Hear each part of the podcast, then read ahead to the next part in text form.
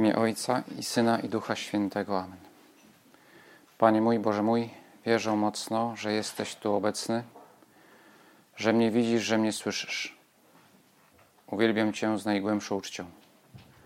Proszę Ciebie o przebaczenie moich grzechów i o łaskę owocnego przeżycia tego czasu modlitwy. Matko moja niepokalana, święty Józef i Ojcze i Panie mój, Aniele stróż mój, wstawcie się za mną. Dzisiaj obchodzimy święto świętej Marii Magdaleny, która otrzymała tytuł apostołki apostołów. A to dlatego, że słowo apostoł to pojęcie oznacza kogoś, kto był świadkiem zmartwychwstania i to świadectwo przekazywał innym. Otóż Maria Magdalena była pierwszym, pierwszym po, po Najświętszej Maryi Pannie świadkiem zmartwychwstania Pana Jezusa. I to ona przekazała informację o tym, że on zmartwychwstał e, innym, innym świadkom, innym apostołom. Stąd jej tytuł apostołki apostołów. I to zdarzenie, jak doskonale wiemy, miało miejsce o świcie pierwszego dnia, po szabacie wczesnym rankiem, gdy jeszcze było ciemno Maria Magdalena udała się do grobu i zobaczyła kamień od niego odsunięty. Maria Magdalena, według relacji świętego Jana, poszła do grobu przed świtem i szła w ciemnościach.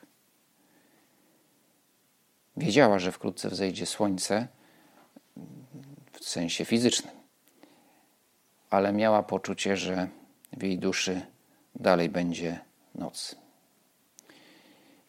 na pewno nie słyszała o krainach odległych, w których noc może trwać wiele miesięcy i yy, podobnie jak dzień, który też trwa wiele miesięcy na, na, na biegunie, ale no, o tej nocy polarnej nie słyszała, ale gdyby, gdyby słyszała, to może właśnie pomyślała sobie, pomyślałaby sobie, że, że teraz w mojej duszy jest taka noc polarna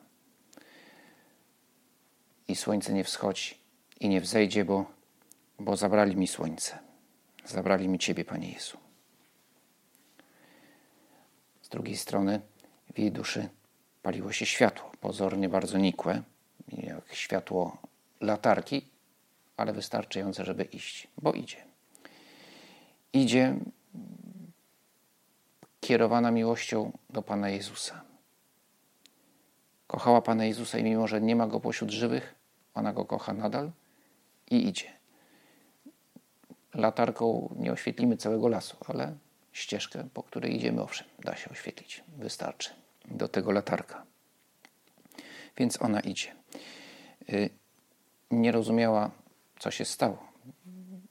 Podobnie jak inni, nie wierzyła w to, że Pan Jezus może zmartwychwstać, mimo że On sam to zapowiadał. Nie wierzyła, że może pokonać śmierć. Nie wierzyła, nie wiedziała, że miłość jest mocniejsza niż śmierć. Może, kiedy tak sobie szła mm, drogą, to przypomniała sobie fragment z pieśni nad pieśniami, który jest czytany dzisiaj w to święto. Połóż mnie jak pieczęć na Twoim sercu, jak pieczęć na Twoim ramieniu, bo jak śmierć potężna jest miłość. Żar jej to żar ognia, płomień Pana. Jak śmierć potężna jest miłość, więc ona, kochając Pana Jezusa, pragnęła jeszcze raz się z Nim spotkać, chociaż, chociaż nie było już go już w jej mniemaniu wśród żywych. Wkrótce miała się przekonać, że miłość Boga jest nie jak śmierć, ale jest potężniejsza niż śmierć. Że miłość Boga jest w stanie pokonać śmierć. No i to jest oczywiste. To zresztą no, wiedziała, że Bóg jest ponad wszystkim, jest ponad śmiercią, ale, ale jednak no, to doświadczenie osobiste kogoś, kto był jej bardzo bliski i kto umiera. To doświadczenie ją przygniatało. Co mogła zrobić? co mogła zrobić w tej sytuacji? Spełnić obowiązek. To jest to, co mogła zrobić i właśnie to robiła. Zadbać o ciało zmarłego mistrza. Zadbać o ciało Pana Jezusa. Spełnić obowiązek wobec człowieka i wobec Boga. Praktycznie w każdej religii, nie wiem, może są jakieś wyjątki, ale, ale więcej, nie tylko w każdej religii, w każdej normalnej kulturze, nie wykrzywionej jakimiś, jakimiś e, fałszywymi, diabelskimi ideami, szanuje się zmarłych. Szanuje się ciała zmarłych. A jeśli się tego nie robi, to to jest to znak barbarzyństwa.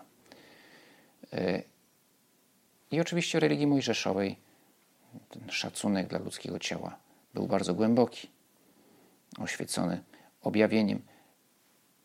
Religia i tradycja żydowska wymagała spełnienia różnych mm, posług, różnych gestów wobec, wobec ciała zmarłego człowieka. Religia w znaczeniu to, co zostało objawione w prawie mojżeszowym, a potem tradycja to, co ludzie dodali, aby, aby jakoś pełniej wyrazić swój szacunek dla, dla człowieka, dla człowieka, który zmarł, ale którego ciało przypomina o jego istnieniu. Świadomości zmartwychwstania ciała też jeszcze, jeszcze ona była bardzo nikła i raczej ja wśród wielu budziła sprzeciw. Ale szanowano ciała zmarłych i były konkretne gesty, aby ten szacunek e, i miłość wyrazić. To były gesty konwencjonalne, tak jak i dzisiaj konwencjonalne, to znaczy są jakąś, jakąś umową. Jakąś umową jest to, że wtedy namaszczano ciało wonnymi y, ziołami, a dzisiaj zapala się znicze, czy kładzie kwiaty, czy nie wiem, wkłada ciało do, do drewnianej skrzynki. To są gesty umowne, ale wyrażają coś, czy powinny wyrażać coś, co nie jest umowne i co się nazywa szacunkiem i miłością do drugiego człowieka również po jego śmierci. I w tym sensie są obowiązkiem, nie obowiązkiem prawnym, ale obowiązkiem miłości właśnie Maria Magdalena ten obowiązek miłości chciała spełnić wobec człowieka i wobec Boga, będąc posłuszna y, religijnym przepisom swojego czasu. Nie zdając sobie sprawy, że w tym miejscu, w tym momencie bezpośrednio spełnia obowiązek wobec człowieka i wobec Boga.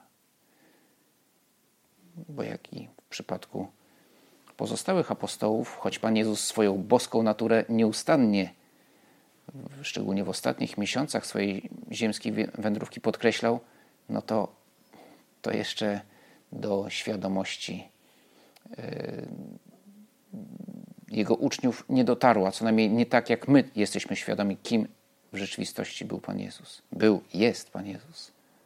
Bogiem i człowiekiem. I Maria Magdalena miała spełnić ten obowiązek miłości wobec Boga, Boga człowieka. I gesty mają wielkie znaczenie. Te gesty, które kierujemy wobec Ciebie, Panie Boże. Na przykład przyklęknięcie przed Przenajświętszym Sakramentem. Jest to gest umowny. Oczywiście moglibyśmy, można by się umówić inaczej. Z tego co wiem, w Japonii jakoś nie ma przyklęknięcia, tylko jest jakiś głęboki skłon, taki jak jest w tamtej kulturze wyrazem najwyższego szacunku. My przyklękamy. Moglibyśmy też stanąć na głowie, jeśli by taka była, taka była umowa, że w ten sposób wyraża się największy szacunek. Ale ale ten gest, jeśli jest spełniony z miłości, wyraża miłość, ma wielką moc, to jak przyklęknę, w jaki sposób odmawiam modlitwę, jak, jaką postawę przyjmuję w czasie, w czasie mszy. To są no, sprawy umowne, tak, ale, ale miłość nie jest umowna. Więc spełniając te, te starając się dostosować do tych, do tych, do tych gestów, do tych umów, w jaki sposób wyrażamy cześć Panu Bogu, wyrażam miłość, która nie jest umowna.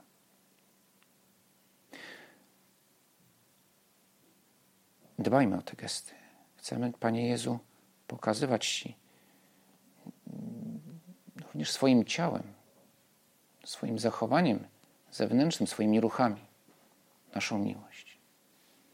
Święty Josemaria tak dbał o to właśnie w, ostatnie, w ostatnich tygodniach swojego życia jako taki punkt walki ascetycznej miał, żeby pobożnie przyklękać przed, przed Przenajświętszym Sakramentem.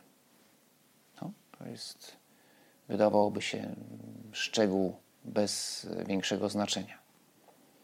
I oczywiście nie jest to kluczowe w życiu wewnętrznym, w życiu duchowym, żeby, żeby pobożnie przyklękać przed, przed Najświętszym Sakramentem. Ale jeżeli świadomie zaniedbujemy, lekceważymy właśnie te gesty, no to, to nasze życie wewnętrzne będzie coraz uboższe, nasze, bo, bo, bo zabraknie czegoś, co jest no, tak ludzkie, tak ważne w relacjach z, z Bogiem i z innymi ludźmi zresztą też, a więc szacunek wyrażany gestem. Inny obowiązek, obowiązek mszy niedzielnej.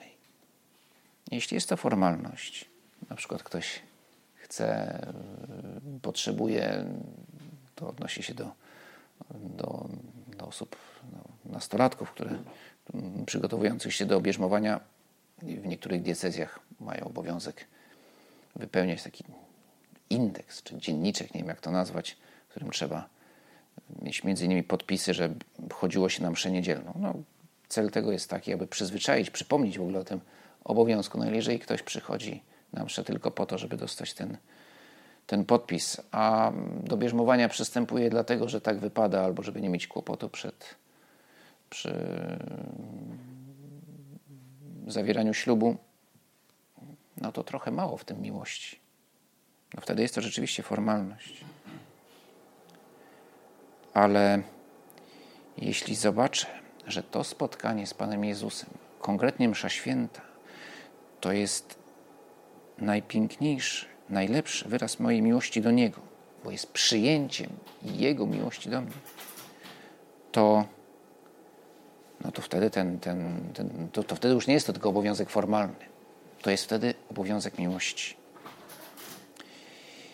E, I wtedy stanę na uszach, żeby w tej mszy uczestniczyć. Wczoraj jeden żeglarz opowiadał, e, jak to po sztormie na jeziorze Mamry, no ktoś powie, no na jeziorze Mamry, to sztorm, co to za sztorm? Nie wiem, podobno to jest poważna sprawa, szczególnie jeżeli jest się na mojej łódce, że jest takie, taka, taka sytuacja, no nic, nic przyjemnego. W każdym razie towarzystwo jest zmęczone i wszyscy tam odpoczywają i kapitan panowie, bo to było, byli, byli tylko chłopcy na, tym, na, na, tym, na, tym, na tej żaglówce. O 18 jest msza, musimy zdążyć. Nie?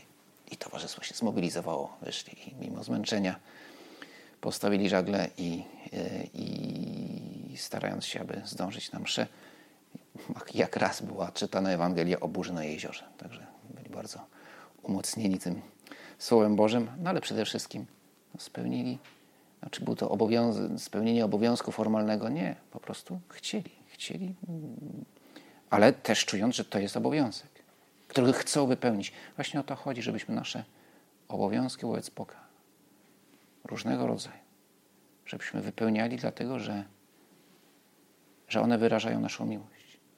Że spełnienie tych obowiązków wyraża naszą miłość. Dlatego, że chcemy, nie dlatego, że musimy, ale dlatego, że chcemy, że te obowiązki czynimy naszymi.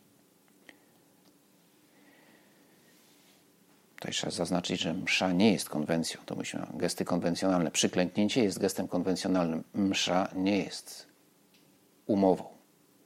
W czasie mszy świętej rzeczywiście Ty, Panie Jezu, stajesz się obecny pośród nas. Twoja ofiara staje się obecna pośród nas.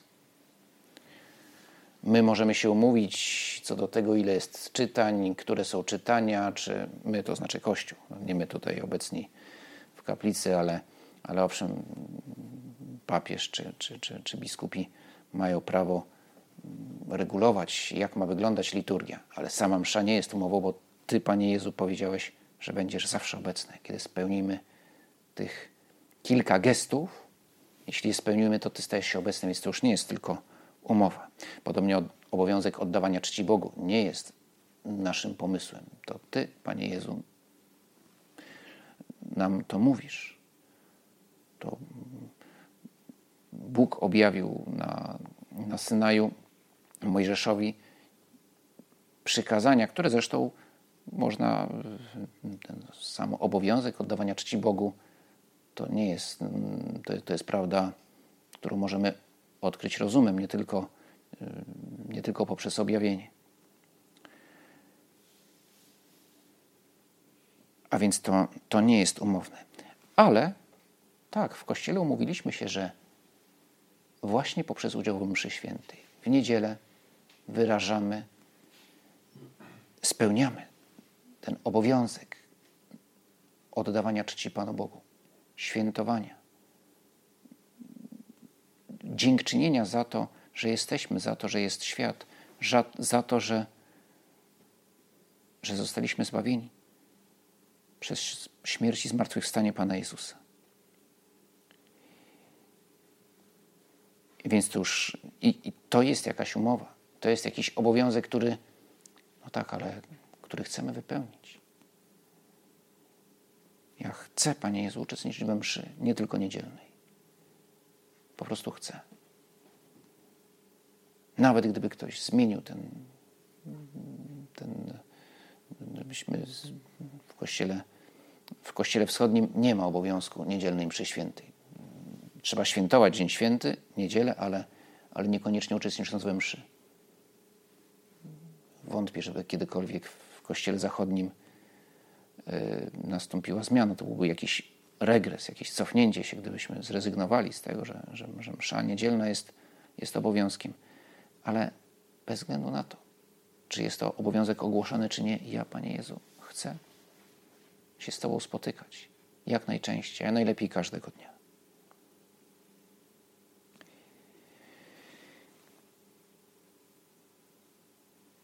Jezus rzekł do niej: Mario. A ona, obróciwszy się, powiedziała do niego po hebrajsku rabuni, to znaczy nauczycielu. Święty Jan nie mówi, o której to było godziny, ale z innych Ewangelii wynika, że już był świt, że słońce wzeszło. I w życiu Maryi, w życiu Marii też wróciło słońce. To spotkanie z Panem Jezusem.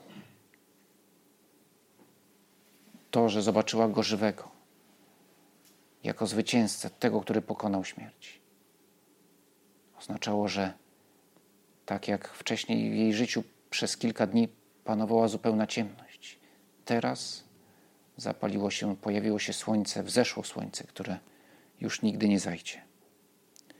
Więc to jest też symboliczny. Wybiera ten moment objawienia się jako zmartwych, po zmartwychwstaniu właśnie o wschodzie słońca, łącząc ten znak fizyczny, porę dnia, szczególną porę dnia ze swoim zmartwychwstaniem, z objawieniem się, że żyje. My jesteśmy w o wiele lepszej sytuacji niż, niż Maria Magdalena, bo, bo wiemy, że, że Ty, Panie Jezu, żyjesz i że nie umrzesz, że, że zmartwychwstałeś prawdziwie pokonując pokonując śmierć. Wiemy to od, od dziecka, czy też od momentu, kiedy przyjęliśmy, przyjęliśmy wiarę. I dlatego każdego dnia możemy powiedzieć, że, że idziemy w stronę słońca. Iść, ciągle iść w stronę słońca. W stronę słońca aż po horyzont okres. Iść, ciągle iść tak bez końca. Widać jeden przebudzony właśnie dzień. Bardzo ładna piosenka. Dopiero niedawno dowiedziałem się, że śpiewa ją zespół 2 plus 1, e, która, no nie wiem, czy, czy jej autorzy mieli jakieś religijne inspiracje, ale faktem jest, że słońce, wschodzące słońce jest symbolem Chrystusa w tradycji chrześcijańskiej. Więc bez względu na to, jaka była inspiracja autora, Myślę, że ta piosenka no, na mszy może jej nie będziemy śpiewać jako pieśń religijną, ale wyraża bardzo ważną prawdę o naszym życiu, naszym życiu chrześcijańskim, że, że wiemy, Panie Jezu, że Ty jesteś słońcem, które daje ciepło, które daje światło, które daje kierunek, bo wiem, w którą stronę mam iść, w stronę słońca, które sprawia, że chce mi się iść, tak, Panie Jezu. Twoja obecność sprawia, że chce mi się żyć. Że widzę sens mojego życia, a tym sensem jest droga do Ciebie. A mówimy tu o wschodzącym słońcu. Teraz pewnie w lato, czasami w południe, uch, trochę za dużo tego słońca, no ale tu mówimy o słońcu, które wschodzi. Myślę, że dla każdego człowieka. Słońce, które wschodzi poza jakimiś, no właśnie, dla każdego człowieka może postaci z bajek, jak trole, gnomy, czy jakieś inne, które nie lubią słońca i się zamieniają w kamień, by tutaj polemizowały, no ale to są postaci z bajek. Natomiast myślę, że każdy człowiek, no, widząc wschodzące słońce, nabiera otuchy. Jest to widok, który e, dodaje sił, który, który sprawia, że, że chce się żyć. Niektórzy nawet właśnie lubią wstać wcześniej i szczególnie jeżeli są gdzieś w jakimś miejscu szczególnie pięknym ze względu na, na przyrodę, na krajobraz, wstać wcześniej i pójść zobaczyć wschód słońca. Sam widok jest wspaniały, ale też budząca się przyroda, ptaki, które no już wcześniej zaczynają śpiewać, ale w momencie, kiedy słońce się pojawia, no to jest już prawdziwy koncert. To jest to bardzo, bardzo piękne przeżycie. I, I, bardzo dobrze, tak. No jest to, myślę, że, że to. Rozumiem ludzi, którzy, którzy, którzy są w stanie wstać o piątej po to, aby zobaczyć wschodzące słońce. Ale pamiętajmy, że każdego dnia, również w dzień pochmurny, w listopadzie, w mieście, wieczorem, kiedy zwracam się ku Tobie, Panie Jezu, to w moim życiu nie tyle wschodzi słońce, znowu widzę Ciebie, widzę wschodzące słońce.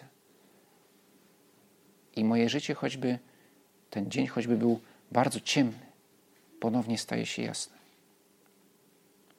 Wieczorem, kiedy czynię rachunek sumienia, sobie przypominam również o tych nieprzyjemnych momentach, kiedy odwróciłem się od Ciebie, kiedy, kiedy na własne życzenie zszedłem z tej drogi ku słońcu i wszedłem w ciemności. Ale teraz żałuję i, i znowu w moim życiu jest słońce. Znowu robi się jasno. Wiemy, że Maria Magdalena, zanim spotkała Pana Jezusa, jej życie było no, bardzo burzliwe, choć nie jest właściwe łączenie Marii Magdaleny z jawną grzesznicą, ale to, to nie są te same postaci. Ale Maria Magdalena, nie wiemy co dokładnie, ale w jej życiu no, była wielka udręka i spowodowana działaniem złego ducha, ale też jej błędnymi wyborami, grzechami. Więc Maria Magdalena, spotkanie z Panem Jezusem oznacza dla niej nawrócenie. Każdego, za każdym razem, kiedy, kiedy czynimy rachunek sumienia, kiedy żałujemy za nasze grzechy, zwracamy się ku słońcu. Iść ciągle, być w tej podróży, którą ludzie prozaicznie życiem zwą. Iść, zawsze iść jak najdłużej. Za plecami mieć nadciągającą noc. Poza Tobą, Panie Jezu, nie ma światła. Więc jeśli przystanę w tej drodze, no to no za, za plecami mam, mam mrok, nadciągającą noc. Nie chodzi o to, żeby, że muszę uciekać, prawda? Biegnę, oj, żeby mi noc nie, nie, nie dopadła. Ale tak, chcę iść w stronę światła, chcę iść w świetle. I jeśli się zatrzymam, no to prędzej czy później ogarną mnie ciemności, jeśli zaniedbam modlitwę. Jeśli zatrzymam się w moim staraniu o to, aby na przykład pracować nad swoim charakterem, co jest wyrazem miłości, albo co może być wyrazem miłości. Ktoś może pracować nad swoim charakterem ze względu na pychę. No, chciałbym być, mieć takie czy inne cechy, bo, bo się z tym dobrze czuję. No to jest, to jest słaba motywacja. Ale jeżeli pracuję nad swoim charakterem, dlatego że wiem, że Ty, Panie Jezu, chcesz, abym był nie tyle doskonały, ale żebym się ciągle doskonalił, żebym zdążał do tego ideału, który Ty mi dajesz. Jeśli czynię to z miłości dla innych ludzi, bo wiem, że na przykład, nie wiem, moje nie wiem, brak stabilności emocjonalnej, to, że łatwo wpadam w gniew albo w smutek, jest uciążliwe dla, dla moich bliskich. I pracuję nad tym właśnie dlatego, ze względu na nich. No to to w tym jest miłość, to w tym jest dążenie do świętości. I, yy, i wiem, że praca nad charakterem to, to jest praca całego życia. I czasami efekty będą niemal niewidoczne, choć zawsze są. Ale Ty, Panie Jezu, chcesz, żebym szedł. Żebym szedł, żebym nie przestawał iść ku Tobie. I wtedy w moim życiu będzie cały czas słońce.